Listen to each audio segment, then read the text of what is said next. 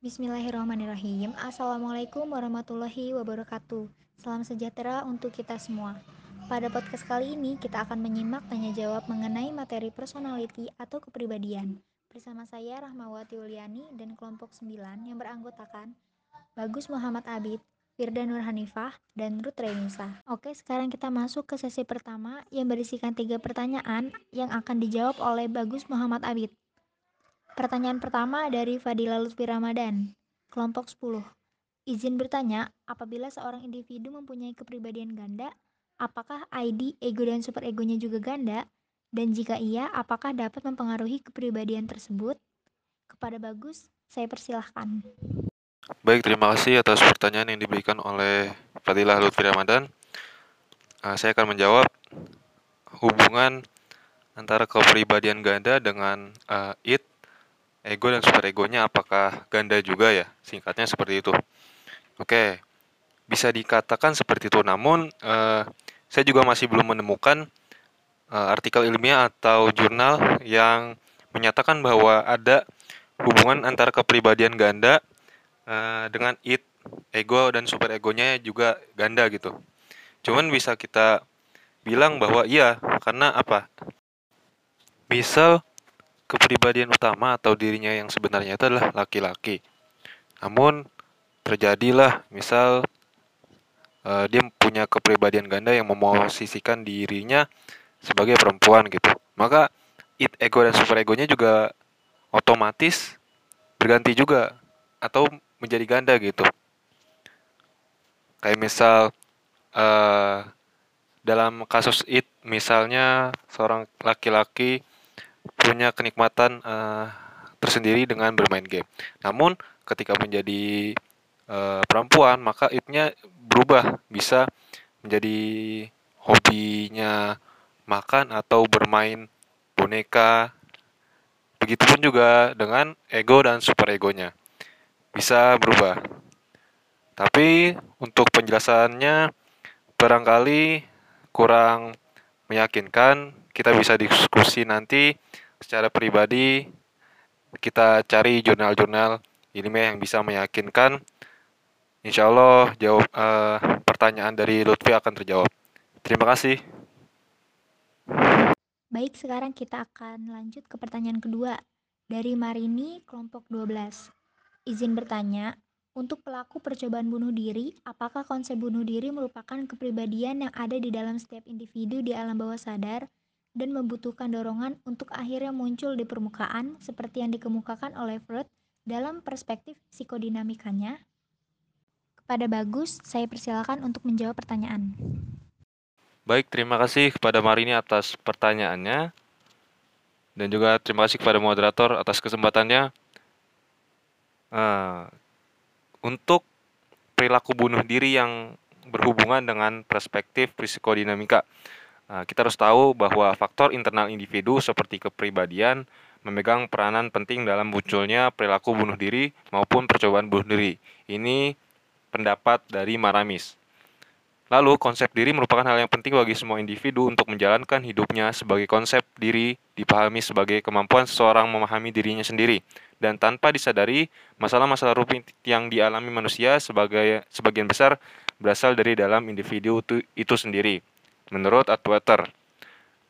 Nah, kaitannya dengan perspektif dinamika Freud bisa dikatakan bahwa misal karena beban psikologis yang dialami oleh pelaku bunuh diri itu sangat berat, uh, baik beban misal beban keluarga atau beban ekonomi dan lain-lain, sehingga it uh, it atau ID disebutnya ya uh, tahu rasa keinginan untuk bunuh diri yang terlalu besar, sedangkan super ego hal yang berkaitan dengan uh, aturan, misal agama, dan ego realitas yang hal yang berhubungan dengan realitas tidak mang uh, nah keduanya yaitu super ego dan ego ini tidak mampu menanggung itu semua.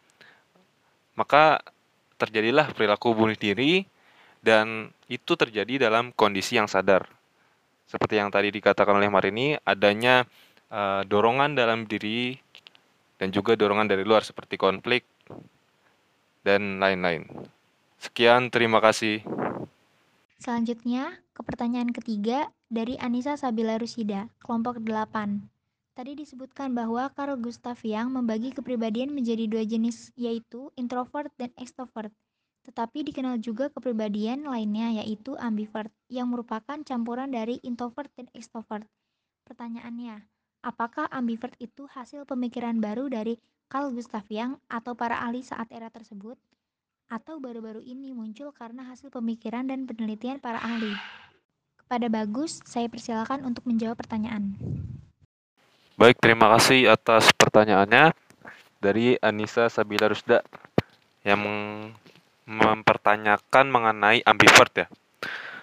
Sebenarnya betul uh, ambivert ini bisa dikatakan pendapat juga, pendapat uh, yang datang dari Jung juga uh, atau Carl Gustav Jung. Menurut Carl Gustav Jung, bagi individu-individu yang mempunyai uh, trait-trait atau karakteristik personality yang sukar digolongkan sebagai introvert atau extrovert, uh, maka mereka boleh disifatkan sebagai ambi sebagai ambivert. Uh, ambivert ini mempunyai ciri-ciri uh, dari seorang extrovert dan ambivert. Dan juga dalam uh, makalah ilmiah atau jurnal yang lain, saya temukan bahwa Tipe kepribadian ekstrovert maupun introvert merupakan suatu kutub dalam suatu skala sehingga kebanyakan orang akan berada di tengah-tengah tersebut. Sehingga dapat dikatakan orang tersebut bertipe kepribadian ambivert. Dan hanya sedikit dari orang sekitar yang benar-benar memiliki tipe tipe kepribadian introvert maupun ekstrovert. Ini menurut Eseng dalam Face dan Face dan kawan-kawan. Terima kasih. Baik, sekarang kita masuk ke sesi kedua yang berisikan tiga pertanyaan yang akan dijawab oleh Firda Nur Hanifah. Pertanyaan pertama dari Sofa Salsabila Aziza, kelompok 7. Izin bertanya, saya sering mendengar soal seseorang yang bilang punya alter ego. Apakah itu termasuk kepribadian atau bagaimana? Tolong penjelasannya dan contohnya. Kepada Firda, saya persilakan untuk menjawab pertanyaan. Baik, terima kasih kepada moderator. Nah, jadi uh, ya betul, alter ego itu merupakan kepribadian. Nah, menurut hellosehat.com, alter ego merupakan kondisi ketika seseorang membentuk karakter atau kepribadian lain dalam dirinya secara sadar. Nah, contohnya yaitu artis. Nah, sering kali saya mendengar dan mungkin juga teman-teman pernah mendengar beberapa artis yang berbicara e, sebenarnya saya yang di TV itu bukan saya. Kemudian ada juga yang mengatakan sebenarnya saya itu pendiam. Nah, artis yang berbicara seperti itu mereka memiliki alter ego. Kemudian e, ada juga para aktor dan aktris yang mendapatkan peran yang bertolak belakang dengan kepribadian asli mereka. Terima kasih. Baik, pertanyaan kedua dari Rifda Rihadatul, kelompok 2. Izin bertanya, bagaimana pandangan para ahli mengenai kepribadian ganda? Kepada Firda, saya persilakan kembali untuk menjawab pertanyaan. Baik, terima kasih kepada moderator. Jadi, menurut Nevis, Redes, dan Greeny, dalam Psikologi Abnormal tahun 2005, menyatakan bahwa psikologi kepribadian ganda yaitu kondisi di mana individu yang memiliki dua atau lebih kepribadian yang berbeda. Kemudian menurut alodokter.com yang ditinjau oleh Dr. Kevin Adrian menuliskan bahwa tanda ketika seseorang mengalami gangguan kepribadian ganda yaitu yang pertama, mengalami penyimpangan ingatan. Jadi, orang yang mengalami gangguan kepribadian ganda sering melupakan tanggal penting dalam hidupnya, seperti tanggal lahir, dan juga terkadang lupa alasan ketika ia berada di suatu tempat. Yang kedua, merasa asing dengan orang sekitar. Nah, orang yang mengalami gangguan kepribadian ganda merasa bahwa ia tidak mengenali orang-orang di sekitarnya ketika kepribadiannya berganti. Nah, yang ketiga, memiliki gangguan psikologis. Nah, tak jarang juga orang yang mengalami gangguan kepribadian ganda mengalami gangguan psikologis lain, seperti dilanda rasa panik atau cemas berlebihan, dan suasana, hati yang mudah berubah, bahkan sampai merasa ingin bunuh diri. Yang keempat, gejala depersonalisasi. Nah, gejala ini bisa digambarkan sebagai sensasi seperti menonton atau melihat diri sendiri ketika kepribadian lain menggantikan karakter asli seseorang. Nah, orang yang mengalami gejala ini seakan-akan tidak berdaya ketika tubuhnya diambil alih oleh kepribadian lain. Dan ketika merasakan gejala ini, orang yang mengalami gangguan kepribadian ganda akan merasa kesulitan dalam mengenal realita. Terima kasih. Selanjutnya pertanyaan ketiga sesi kedua dari Mita Ahya kelompok 5. Izin bertanya, tadi disebutkan bahwa lokus eksternal sifatnya negatif terhadap individu. Tapi apakah benar semuanya negatif? Jika memang kepribadiannya negatif, apabila memiliki lokus eksternal, apakah seseorang dapat berubah menjadi lokus internal? Kepada Firda, saya persilahkan. Baik, terima kasih kepada moderator. E, seperti yang pernah Ibu Setiawati sampaikan sebelumnya mengenai introvert dan ekstrovert, jadi e, ada orang yang benar-benar introvert, hanya introvert, benar-benar ekstrovert, hanya introvert.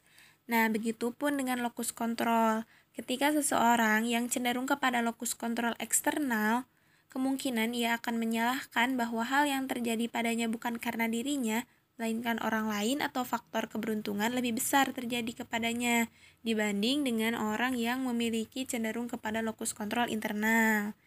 Jadi, Apakah orang yang memiliki cenderung kepada lokus kontrol eksternal semuanya negatif? Jawabannya tidak, tetapi kemungkinan ia akan menyalahkan orang lain atau hanya faktor keberuntungan lebih besar.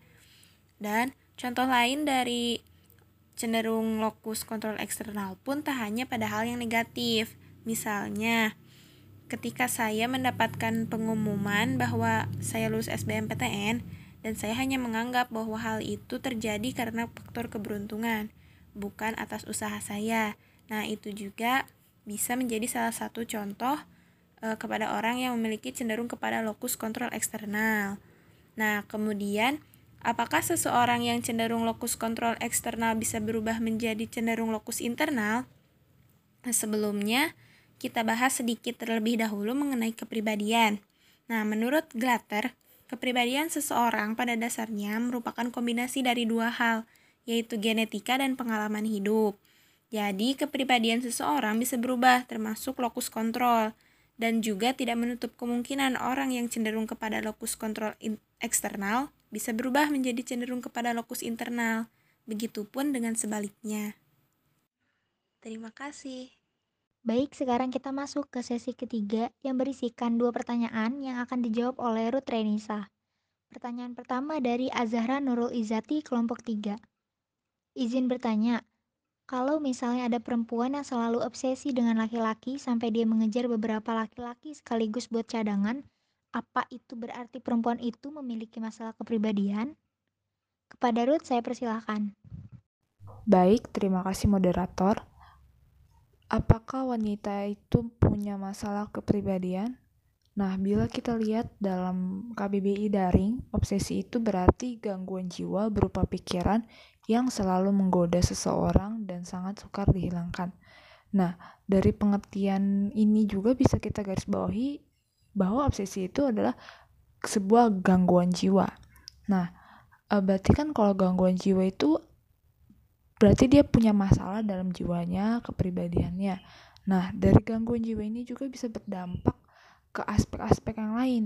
Nah, dalam konteks ini, konteks kasus ada perempuan yang selalu obsesi dengan laki-laki sampai dia mengejar beberapa laki-laki sekaligus untuk cadangan. Nah, dari sini bisa kita simpulkan bahwa kasus ini tuh berhubungan dengan se sebuah percintaan. Nah, dalam konteks hubungan, obsesi ini diartikan sebagai pikiran atau bayangan tentang objek cinta, serta dorongan menjalin hubungan dengan objek cinta.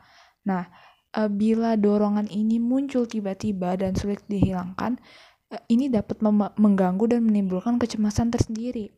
Nah, kalau wanita ini terobsesi dengan objek cintanya, dia akan terus berusaha untuk menekan atau menghilangkan dorongan itu. Salah satu caranya adalah dengan berusaha mengejar dan mendekati objek cintanya ini.